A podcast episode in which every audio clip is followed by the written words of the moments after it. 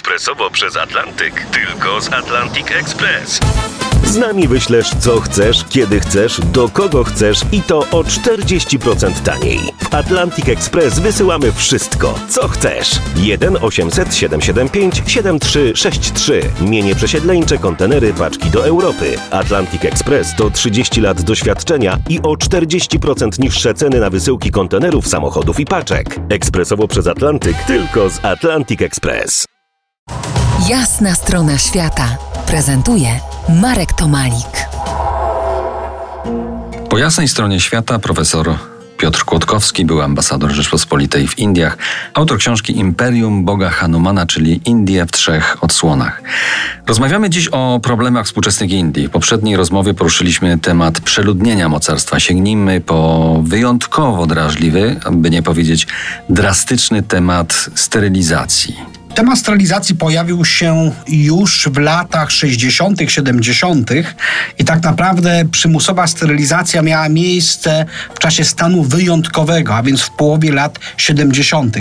Stan wyjątkowy został narzucony przez Indirę Gandhi, a realizatorem e, owej sterylizacji mężczyzn był jej syn, już nieżyjący e, Sanjay Gandhi.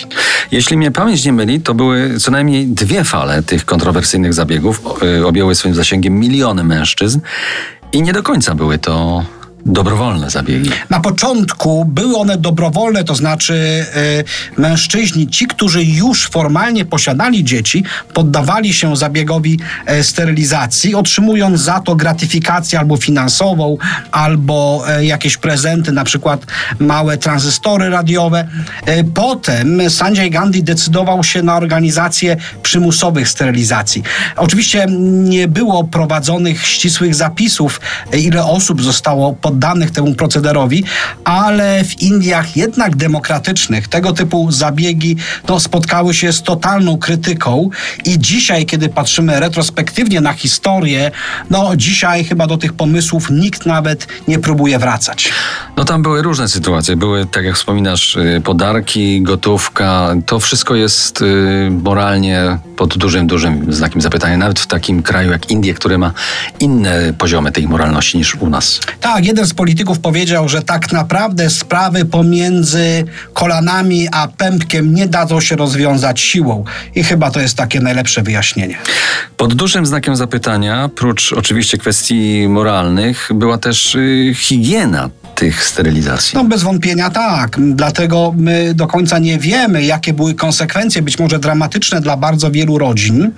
Aczkolwiek też proszę pamiętać, e, ten przyrost naturalny dzisiaj w Indiach nie jest tak wysoki jak kiedyś. Są takie stany jak Kerala, gdzie tak zwany wskaźnik reprodukcji wynosi poniżej 2,1, czyli to oznacza e, prostą zastępowalność pokoleń.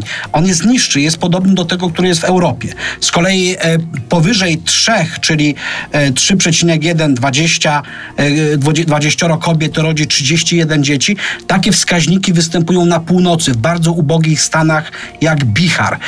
No ale z drugiej strony ta wielkość populacji, tak jak e, powiadam, miliard 250 milionów, nawet przy mniejszej rozrodczości będzie to oznaczało, że co roku Indie netto zwiększają się o niemal 20 milionów osób. A więc proszę wziąć pod uwagę, miliony osób osób młodych wkracza na indyjski rynek pracy. Ci wszyscy muszą gdzieś tą pracę znaleźć. Za kilkanaście minut porozmawiamy o korupcji w Indiach. Zostańcie z nami po jasnej stronie świata. To jest jasna strona świata w RMS Classic.